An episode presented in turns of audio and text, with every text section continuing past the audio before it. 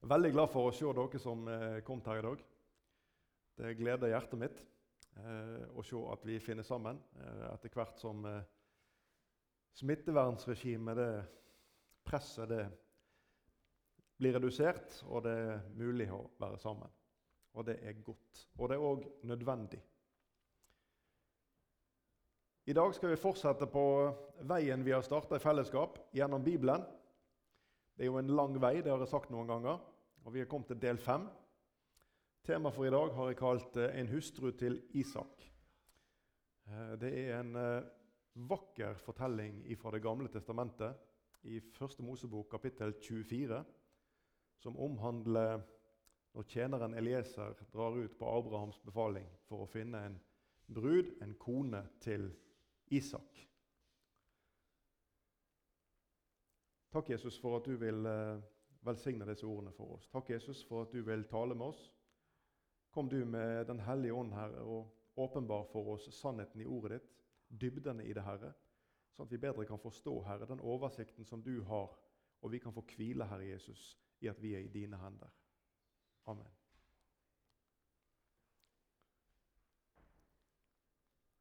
Skal vi se, Den her vil ikke være helt med meg. Ja. Abraham han sender sin tjener eh, Elieser av gårde for å finne en eh, hustru til Isak. Og Vi skal lese litt om dette. her. Vi skal og lese en god del i 1. Eh, Mosebok 24. Vi skal lese versene fra vers 3 til vers 24 sånn for sammenhengens skyld. Så får vi trekke sammen en del momenter i dette her etterpå. Det er Abraham da som taler med Elieser her. Vi er kommet til vers 3. Så vil jeg ta deg i ed ved Herren, himmelens og jordens Gud, at du ikke skal ta en kone til sønnen min iblant døtrene til kananeerne, som jeg bor iblant. Skal vi se her Denne fjernkontrollen min vil ikke helt være med. Der, ja. Men til mitt eget land og til slekten min skal du dra og hente en kone til min sønn Isak. Tjeneren sa til ham, men om nå kvinnen ikke er villig til å følge meg hit til dette landet, skal jeg da føre sønnen din tilbake til det landet du er kommet fra? Abraham svarte, vokt deg vel for å føre sønnen min tilbake dit.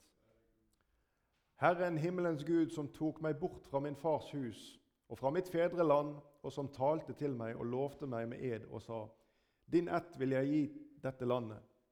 Han skal sende sin engel foran deg, så du kan hente en kone til min sønn derfra.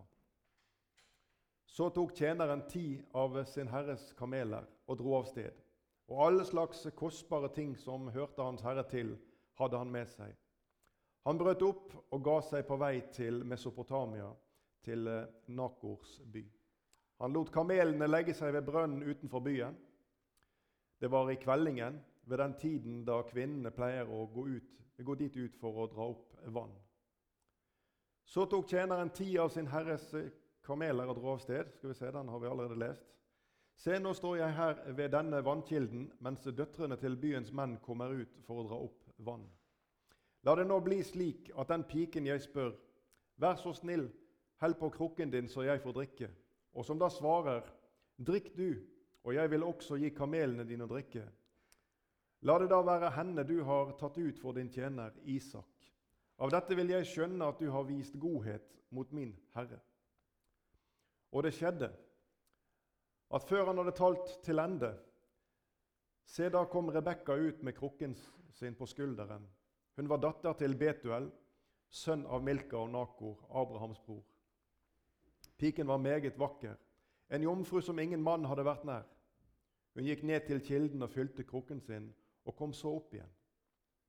Da løp tjeneren henne i møte og sa, 'Vil du la meg få drikke litt vann fra krukken din?' Svarte, hun svarte, 'Drikk, Herre.' Og hun skyndte seg og tok krukken ned i hånden og lot ham drikke. Da hun hadde latt ham drikke seg utørst, sa hun, 'Jeg vil dra opp vann til kamelene dine også, så de kan få drikke seg utørste.' Hun skyndte seg og tømte krukken i vanntrauet, og løp så til brønnen igjen og dro opp vann til alle kamelene hans. Mannen så på henne og undret seg. Han holdt seg taus for å få vite om Herren hadde latt reisen hans lykkes eller ikke. Da så kamelene var ferdig med å drikke, tok, eh, tok mannen fram en gullring som veide en halv sekel, og to armbånd av gull som veide ti sekel, og la dem om armene hennes. Og han sa, 'Hvem er du datter til?' 'Kjære, si meg, er det rom for oss i din fars hus, så vi kan overnatte der?' Hun svarte ham, 'Jeg er datter til Betuel, som er sønn av Nakor og Milka.' Nå har vi lest disse versene med litt eh, stakkato her pga. oppsettet mitt. Men vi har fått med oss fortellingen fra vers 3 til vers 24 om tjeneren eh, Elieser som er kommet fram til denne gamle brønnen, og som setter seg der. Og så ser vi at han ber til Herren om at denne, det må komme ut eh, en kvinne her. Og når, han, når hun gir han dette vannet å drikke av krukka si, så oppfylles denne bønnen. Vi skal komme tilbake igjen til det.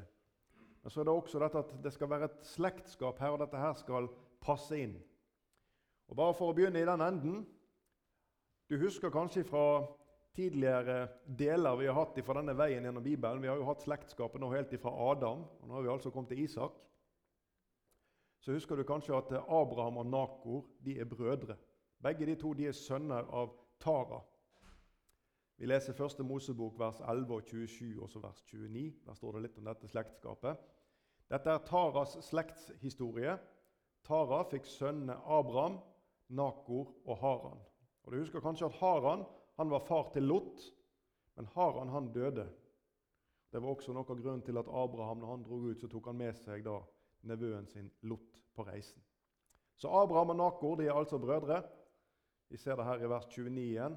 Eh, Abraham og Nakor tok seg koner. Abrahams kone heter Sarai, og Nakors kone heter Milka.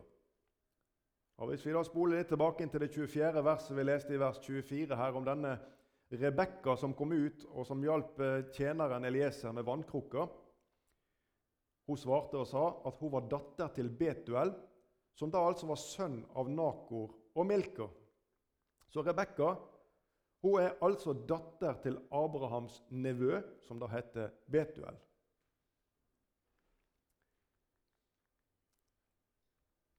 Abraham han uttalte følgende ord til Elieser når han gav han dette oppdraget om å reise ut og finne ei kone til sin sønn. Så sier Abraham, 'Til mitt eget land og til slekten min skal du dra' 'og hente en kone til min sønn Isak.'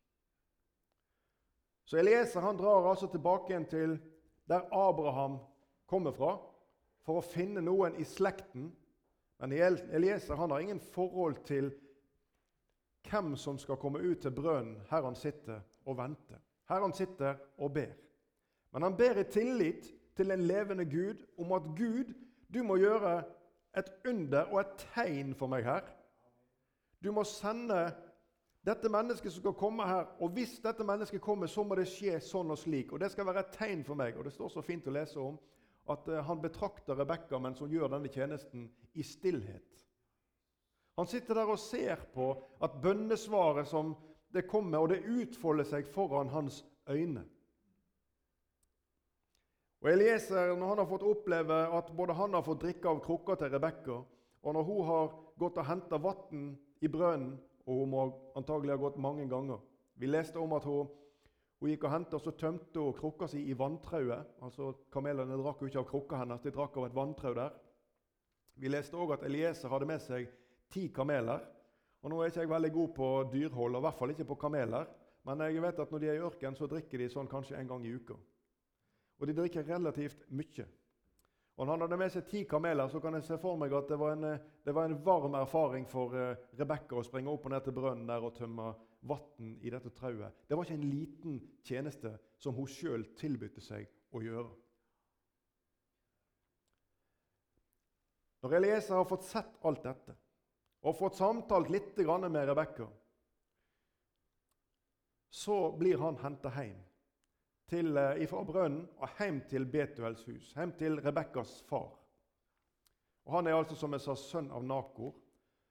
Og i, Når Elieser kommer fram her i dette fellesskapet, så forteller han litt om sin herre. Han forteller om Abraham, han forteller om det oppdraget han har, og han deler erfaringene som han gjorde her ved brønnen når Rebekka kom ut.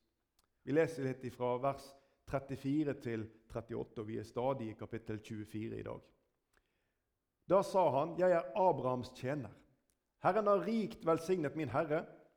Han har blitt en rik mann. Han har også gitt ham småfe og storfe, sølv og gull, treller og trellkvinner, kameler og esler.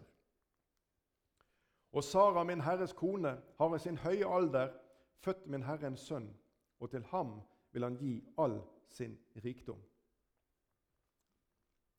Nå har min herre tatt meg i ed, og han sa, du skal ikke ta en kone til min sønn blant kanoneernes døtre, folket i dette landet hvor jeg bor. Men til min fars hus skal du gå, til min egen slekt. Der skal du hente en kone til min sønn. Vi ser hvordan tjeneren beretter om eh, sin herre, om Abraham. Vi ser hvordan han beretter om Abrahams rikdom, hvordan han har blitt en rik mann. Og vi ser også hvordan tjeneren knytter rikdommen gjennom farsarven til Isak når han forteller om sin, fars, om sin herres hus, og han forteller om Isak. Og Så forteller Elieser videre om de hendelsene som han hadde ved brønnen. og Vi leser vers 42-44. Så kom jeg da til kilden i dag, og jeg sa, Herre, du som er min Herre, Abrahams Gud, og om du nå ville la denne reisen min lykkes. Se, nå står jeg her ved denne kilden. Kommer det nå en ung pike hit for å dra opp vann, vil jeg si til henne, vær så snill, la meg få drikke vann av krukken din. Svarer hun da, drikk du, og jeg vil også dra opp vann til kamelene dine. La henne da være den kvinnen som du har tatt ut for min Herres sønn. Og Jeg leser Han forteller videre her hvordan denne bønnen ble oppfylt. Han forteller om hvordan Rebekka kom ut til brønnen der. Hvordan hun responderte når han svarte på om han kunne få drikke av krukka hennes, og hvordan hun gikk og henta eh, vann i brønnen og gav til kamelene. Og Så forteller han videre hvordan Rebekka har forklart om farshuset sitt. Hvordan hun er datter til Betuel, som er sønn av Nakor og Milka. Hvordan det ble klart for han dette, hvordan, hvordan det hele henger sammen. Hvordan Gud oppfyller og svarer på bønnen hans. Laban han er altså Rebekkas bror. Og Han og Rebekkas far Betuel de sitter her og lytter til. Og Når de hører på tjeneren Elieser som forklarer om hvordan alt dette har gått for seg, så svarer de, og vi leser vers 50-52. Da svarte Laban og Betuel, dette kommer fra Herren. Vi kan ingenting si deg, verken godt eller ondt. Rebekka, se Rebekka står foran deg.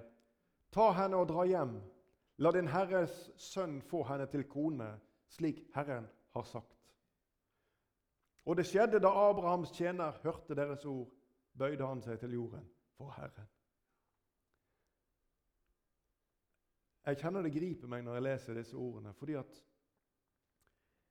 når Elieser har bedt Han har fått oppdraget, han har dratt ut denne tjeneren, og han har bedt til himmelens Gud om at, det, må oppfylles.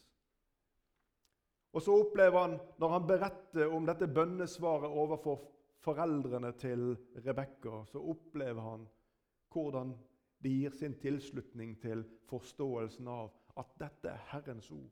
Dette er Herrens vilje. Og så opplever han at det lykkes. Det oppdraget han har fått, ikke bare fra sin herre, det lykkes, men det lykkes også at han har fått oppleve bønnesvaret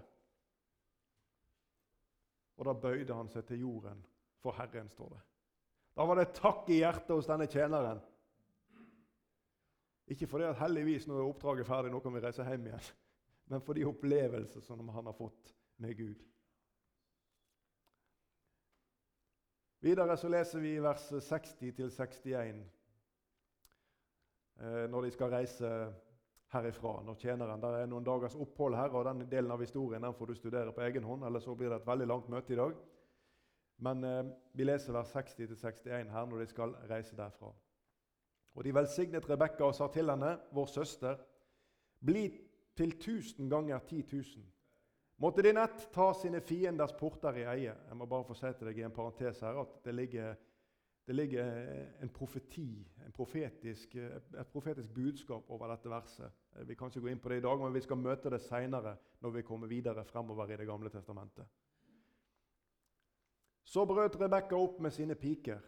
De red på kameler og fulgte med mannen, og tjenerne tok Rebekka med seg og dro av sted. Du minnes Guds løfte til Abraham. Hvordan Gud møtte Abraham og sa at han skulle gjøre ham til en tallrik slekt. Vi, vi leser i 1. Mosebok 22. Vi har vært igjennom dette tidligere, men vi repeterer litt. Vers 17.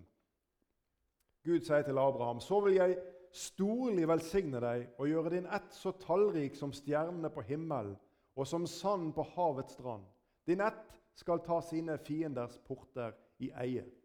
Og Så finner vi da Rebekkas slekt, som ikke har vært her og hørt på når Gud taler til Abraham, men som kommer med denne velsignelsen som går hånd i hånd med det ord som Gud har talt til Abraham.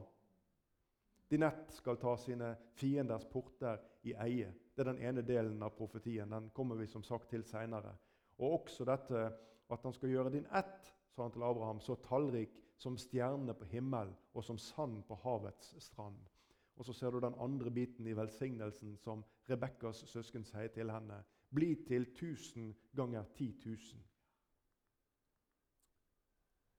Vi leser vers 62 65. Nå var Isak nettopp kommet tilbake fra en vandring eh, til oasen eh, eh Lakairoi, for han bodde i Sydlandet. Synet mitt er ikke det samme som det var. Ved kveldstid gikk Isak ut på marken for å ha en stille stund. Da han løftet blikket, ble han var kamelene som kom. Rebekka så opp, og da hun fikk øye på Isak, skyndte hun seg og steg ned av kamelen.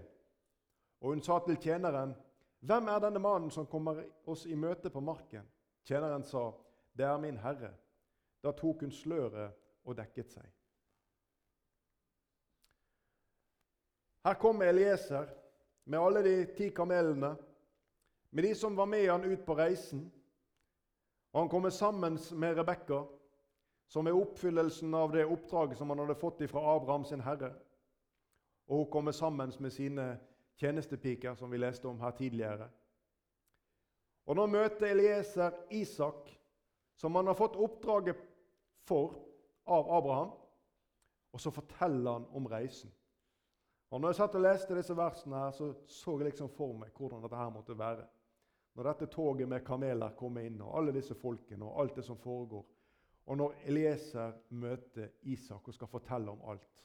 Vi leser vers 66 her. Der sto det at tjeneren fortalte så Isak om alt det han hadde utrettet. Han kunne fortelle til Isak om at din far Abraham han tok meg i ed og han ga meg denne befaling om at jeg skulle reise til hans egen slekt, til hans eget folk. Og så kom jeg hit. Jeg reiste denne lange veien, og så kom jeg hit til denne brønnen. Og her ved denne brønnen så ba jeg til himmelens Gud, og så oppfylte han den bønn som jeg ba. Og så ble det bekrefta for meg av himmelen at denne kvinne som kom ut, det er den kvinne som Gud har utsett til kone for deg. Og så fikk han bekreftelsen på slektskapet. At både både Rebekka sjøl og når han kom til hennes fars hus, så fikk han se sammenhengen av hvordan dette hang sammen, og at det også oppfylte den delen av eden som Abraham hadde tatt av Elieser. Og så fikk han forklart om de gavene som han hadde gitt til Rebekka. Om hvordan han hadde fått denne gullringen og disse gullsmykkene som han la over hendene hennes. Og hvordan han videre utsmykker henne når, når hun sa ja i sitt hjerte og til å reise tilbake igjen sammen med tjeneren. Så står det i vers 67. Så førte Isak Rebekka inn i sin mors Saras telt. Hun ble hans kone, og han hadde henne kjær. Slik fant Isak trøst i sorgen over sin mor. Du, Det er en del ting vi må reflektere over, og det er noen bilder i denne fortellingen vi har lest i sammen. For Denne fortellingen den har både et evangelisk budskap og den har òg en eskatologisk undertone. Altså eskatologi, altså budskapet om de evige ting, det som skal komme. Og Det grunnleggende vi leser om i denne fortellingen, det er at Faderen, altså Abraham, han sender Elieser, tjeneren, for å finne en brud til sønnen Isak. Så ser vi litt på hva disse navnene betyr. Abraham det var jo et eh, navn som Gud gav Abraham At han ikke lenger skulle hete Abraham, men Abraham, som betyr far til mange. Og så har vi Elieser. Og Navnet Elieser det betyr 'Gud er hjelp'. På mange måter så kan vi finne at navnet til Elieser det er rett og slett et vitnesbyrd om hva Faderen er. Gud er hjelp. Elieser han er selve utsendingen som peker på nettopp det. Ikke på seg sjøl, ikke på det han har fått til, ikke på reisen, ikke på det han har utrettet, ikke på det han har med seg, men det peker kun på én ting, dette navnet. Det betyr 'Gud er hjelp'. Og Når det kommer til navnet Isak, så betyr det fryd eller 'han ler'. Og Det er vel få ting vi kan lese om i Skriften som gir større grunn til fryd for vårt hjerte enn det Guds sønn har gjort for oss. Og jeg tror også at det er fryd i himmelen når en synder venner seg til Jesus og blir frelst. Og Vi må ha med oss betydningen av disse navnene i det vi skal se på videre. For tjeneren han er altså et, et, et flott, et vakkert bilde på Den hellige ånd. Som forklarer både hvem Faderen er, og hvem Sønnen er. Tjeneren Elieser han reiser frem her, og han forteller om Abraham. Han forteller om, om den, den, rollen han har sjøl på vegne av Abraham. Og han forklarer om Abrahams rikdom. Men så forklarer han også om sønnen Isak. Og hvordan sønnen Isak arver alt etter Faderen. Og så kan vi bare huske noe av det vi leser i Det nye testamentet om hvordan Gud, at alt det som er, er Guds, det er overlatt til Sønnen, Jesus. Det er noen mektige bilder i denne teksten. Når det gjelder Den hellige ånd, så har jeg lyst til at vi skal stoppe litt for hvem denne tjeneren i denne fortellingen er, og hvem Den hellige ånd er for oss. Og Her er sterke paralleller. I Johannes 16, 13, der står det Men når Han kommer sannhetens ånd, skal Han veilede dere til hele sannheten.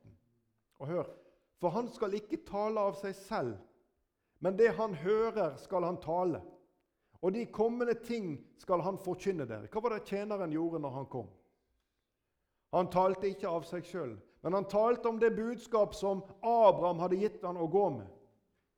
Han gikk til Abrahams slekt og fortalte om det oppdraget han hadde fått. Og om de kommende ting skal han forkynne dere. Ja, den fremtid som lå foran. Om det budskap som Gud hadde gitt til Abraham om en tallrik slekt om løftet om landet osv. Første Mosebok 24, vers 53, så leste vi Så tok tjeneren fram sølvsmykker og gullsmykker og klær og gav til Rebekka. Dette er det første som skjer etter at eh, hennes bror og hennes far Betuel har sagt til tjeneren at dette kommer fra Herren. Vi kan ikke si noe til deg, verken til eller fra. Ta med deg Rebekka som står foran deg her, og dra tilbake igjen til ditt hjemland. Hun skal bli Isak sin kone. Det første som skjer når denne erkjennelsen kommer på bordet, det leste vi i vers 53. Så tok tjeneren fram sølvsmykker og gullsmykker og klær og gav til Rebekka. Denne utsmykkingen av denne bruden som nå Rebekka blir, Legg merke til at denne tjeneren Elieser han formidler disse gavene som han har tatt med seg, ikke fra sitt eget forråd, men ifra Faderen. Ifra Abraham så har han tatt med seg noe av hans rikdom. Og Den legger han over Rebekkas hender der ute ved brønnen, og så smykker han henne videre ut når denne erkjennelsen har kommet. Og Det er et vitnesbyrd om den kjærlighet som Faderen har. Han har aldri møtt Rebekka, og Rebekka har aldri sett Abraham eller Isak. Men tjeneren han deler ut disse kostbare gavene til Rebekka som et vitnesbyrd om den rikdom som venter der hjemme, men også som et vitnesbyrd om den kjærligheten som finnes til henne, selv om hun fremdeles er i fremmedland. Og denne nye kledningen ja, en forberedelse til et møte med brudgommen som skal skje der fremme. Det skal foregå en reise her. Disse smykkene og denne kledningen det skal være en stadig påminnelse om har det virkelig skjedd. Dette her knip meg i armen. Jeg er på reise til et fremmed land. Jeg har forlatt de tingene som jeg har. Er det virkelig dette her? Ja, det er virkelig. For her finnes en utsmykning, her finnes ting som en kan betrakte på reisen underveis. Vi skal komme tilbake inn, Det er flere elementer her. Men det finnes ting som en kan betrakte på reisen underveis, som skaper trygghet i hjertet for at jo da, jeg er på riktig vei. Og slik arbeider Den hellige ånd med hver og en som har tatt imot Jesus, og minnes stadig om de skatter som finnes der hjemme i himmelen. Sånn at vi kan få kjenne det, at vi er på reise hjem. Vi kan få, Når tvilen ønsker å gripe vårt hjerte, så kan vi få kjenne på at vi blir minnet om hjemlandet. Vi blir minnet om brudgommen som venter. Vi blir minnet om at Jesus en dag skal møte bruden. Og Slik var det også for Rebekka på reisen hjem, med forventning i sitt hjerte over det hun hadde hørt, men som hun ennå ikke hadde sett. Og Slik er det også for den som vandrer med Jesus. Du, Blant flere oppgaver så har Den hellige ånd disse som vi skal dele her i dag. Den har enda flere. Denne listen er ikke utømmelig, men vi skal eh, dele disse. Han skal bli og være i de troende. Den hellige ånd han skal bli og han skal være i den som tror på Jesus. Johannes 14, 17. Sannhetens ånd, som verden ikke kan få, for den ser ham ikke og kjenner ham ikke. Dere kjenner ham, for han blir hos dere og skal være i dere. Så Nå har du Guds eget ord på at dette er riktig. Og Så tar vi et blikk på tjeneren under veien, denne Elieser. Hvordan han også har en rolle på denne reisen som Rebekka nå har lagt ut på. Og han blir ved Rebekka, akkurat sånn som han har sagt. Han fører Rebekka fra farshuset, der som hun hadde vokst opp, og helt til Abrahams hus, til Isaks far. Dette gjør han til Rebekka. Rebekka har sagt ja til reisen. Hun har sagt ja til denne reisens mål. Og så kan du trekke parallellen med Den hellige ånd som følgesvenn på din reise imot himmelen. Videre så skal Den hellige ånd lære å minne om Jesu ord. I Johannes 14, 26 så leser vi at talsmannen, Den hellige ånd, som Faderen skal sende i mitt navn, han skal lære dere alle ting og minne dere om alt det jeg har sagt dere. Du, Den hellige ånd, han er en læremester. Og han lærer om fortid. Han åpenbarer det som er i Skriftene, for at vi skal finne trøst, står det, ved den tålmod som Skriftene gir. Dette kan du lese om i Romerbrevet. Paulus skriver om det. Han er en læremester som åpenbarer ordet for oss. Vi kan forstå sammenhengen fra fortid, for det har relevans til oss i nåtid. Og han forklarer oss også vår samtid og vår fremtid. Og Det er også det vi finner at denne tjeneren gjør. Elieser han er sendt hit av Abraham. Og Han lærer Rebekka om dette slektskapet i forhold til Abraham og Isak. Han forklarer om denne Guds pakt som finnes med Abraham, og som Isak Han overtar denne arven. Og Isak han skal vi huske på at han er paktens sønn. Det er ved Isak at Gud knytter pakten. Gud var veldig tydelig på dette for Ismael var også kommet til verden. Men Gud var tydelig på at du skal få en sønn. Sara skal få en sønn, og han skal ha navnet Isak. Og i Isak så skal det nevnes deg en ett. Vi leser 1. Mosebok 17, vers 19. Men Gud sa sannelig, Sara, din kone, skal føde deg en sønn, og du skal kalle ham Isak. Jeg vil opprette min pakt med ham, en evig pakt for hans ett etter ham så kan da også bruden ha forventning i sitt hjerte. For her er større verdier enn her og nå. Her er større verdier enn bare følelser. Dette handler om fremtid. Og for deg og meg som ser dette i et litt sånn eskatologisk perspektiv, så handler det om evighet. Den hellige ånd skal også vitne om Jesus. Vi leser Johannes 15, vers 26. Når talsmannen kommer, han som jeg skal sende dere fra Faderen, sannhetens ånd, som utgår fra Faderen, da skal han ikke vitne om seg sjøl. Da skal han vitne om meg. Det er viktig å forstå Den hellige ånds plassering i forhold til den gjerningen den skal gjøre for oss som tror på Han. Noen ganger så har jeg et inntrykk av at Den hellige ånd eh, blir viktigere enn Jesus. Det blir på en måte et, et misforhold mellom disse tingene. Eh, det er viktig å forstå at Den hellige ånd han er tjeneren her i, i, den, i guddommen, den tredje personen i guddommen, som vi har lest om allerede, som ikke skal ta av seg sjøl, men ta av det som er Faderens, og gi det til oss. Han skal forklare Jesus. Han skal vitne om meg, sier Jesus. Tjeneren han forteller, denne Elieser han forteller om hvordan han er sendt av Faderen, Abraham. Han forteller om brudgommen Isak. Og For det fjerde så skal Den hellige ånd veilede de troende til hele sannheten. Og det femte han skal herliggjøre Jesus, og for det sjette så skal han forkynne om de kommende ting. Vi leser Johannes 16, vers 13-15. Men når han kommer, sannhetens ånd, skal han veilede dere til hele sannheten.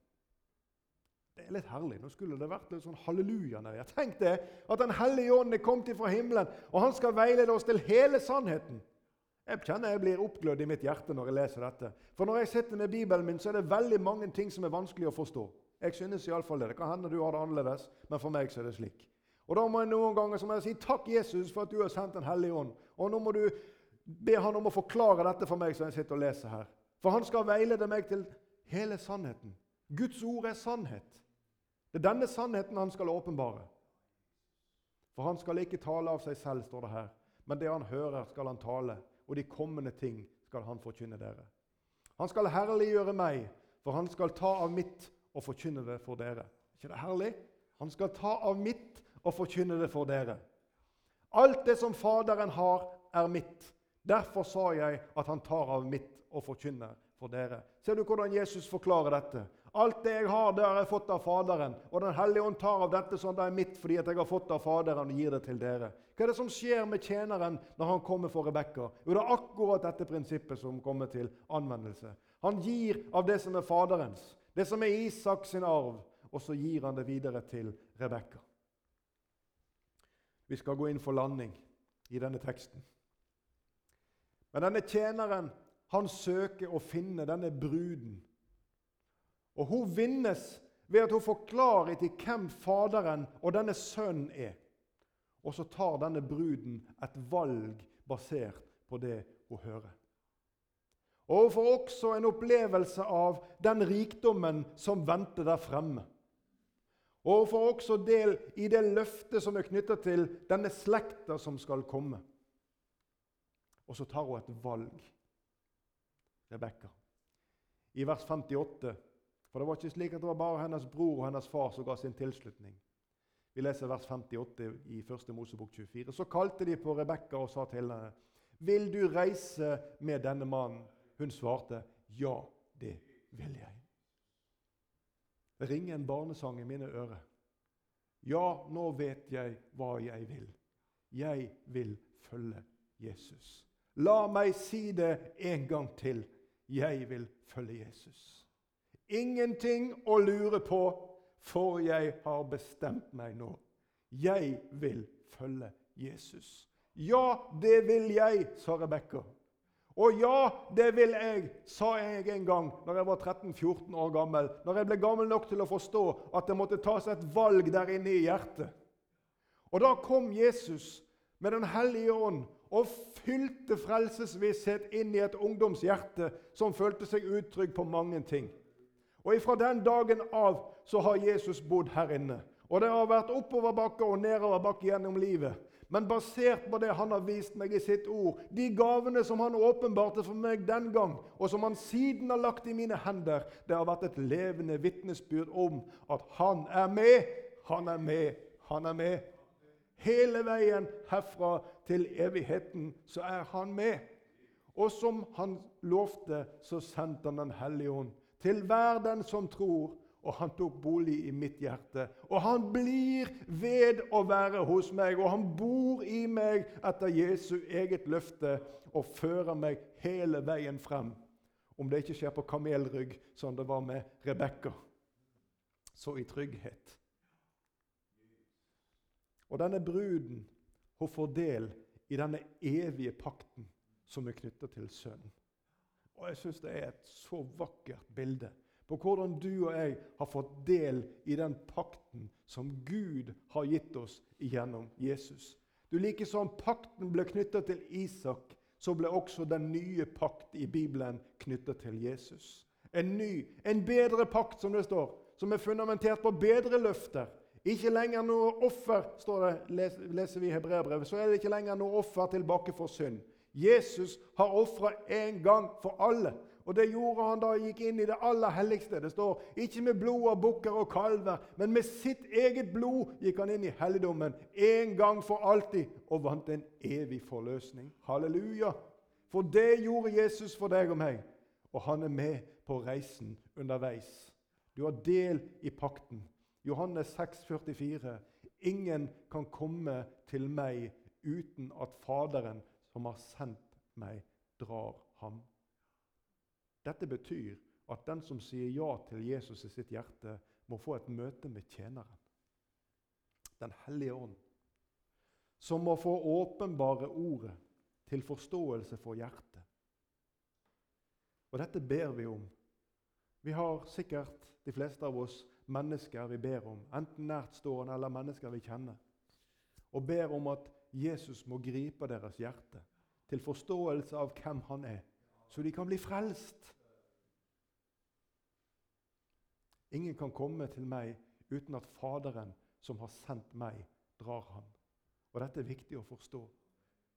Åndsinspirert forkynnelsen av det ordet som Faderen har talt, slik at mennesker kan bli møtt med budskapet om Faderen, om Sønnen, om rikdommen, om løftet, om pakten, og bli en Jesu Kristi brud. Det siste verset vi skal lese sammen i dag, 1. Timoteus brev, kapittel 2 vers 4.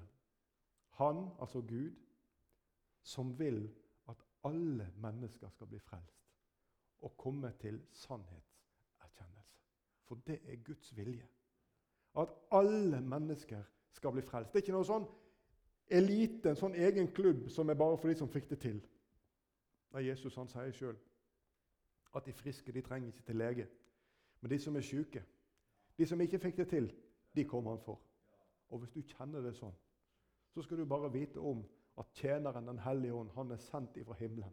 Og han taler til våre hjerter og forteller oss om de evige ting. Han forteller oss om Faderen, om Sønnen, om det himmelske bryllup som skal være der framme. Herre Jesus Kristus. Takk fordi at du har ordnet dette i alle deler, Herre. Å Herre, takk for tjeneren som ble sendt ifra himmelen. For at ikke vi skulle være som faderløse, Herre Jesus, Herre denne verden, så har du gitt Den hellige ånd ved oss. Herre, som skal få vandre sammen med oss og minne oss om de evige ting. Forklare oss bibelordet, Herre, så vi kan forstå din tale. Kjære Jesus, vis oss disse tingene og sett det i perspektiv for oss, Herre. Så vi også kan få kjenne den kjærlighet som du har vist til oss, Herre. Herre, vi leser om det. At det er sånn din kjærlighet den er vist til oss ved at Jesus døde for oss mens vi enda var syndere. Herre. Halleluja. Takk for ditt verk, Herre. Takk for det du har gitt oss. Takk, Herre, for det du vil gi oss. Takk for at du vil følge oss, for at du vil bevare oss og frelse oss inn i din evige himmel. Amen.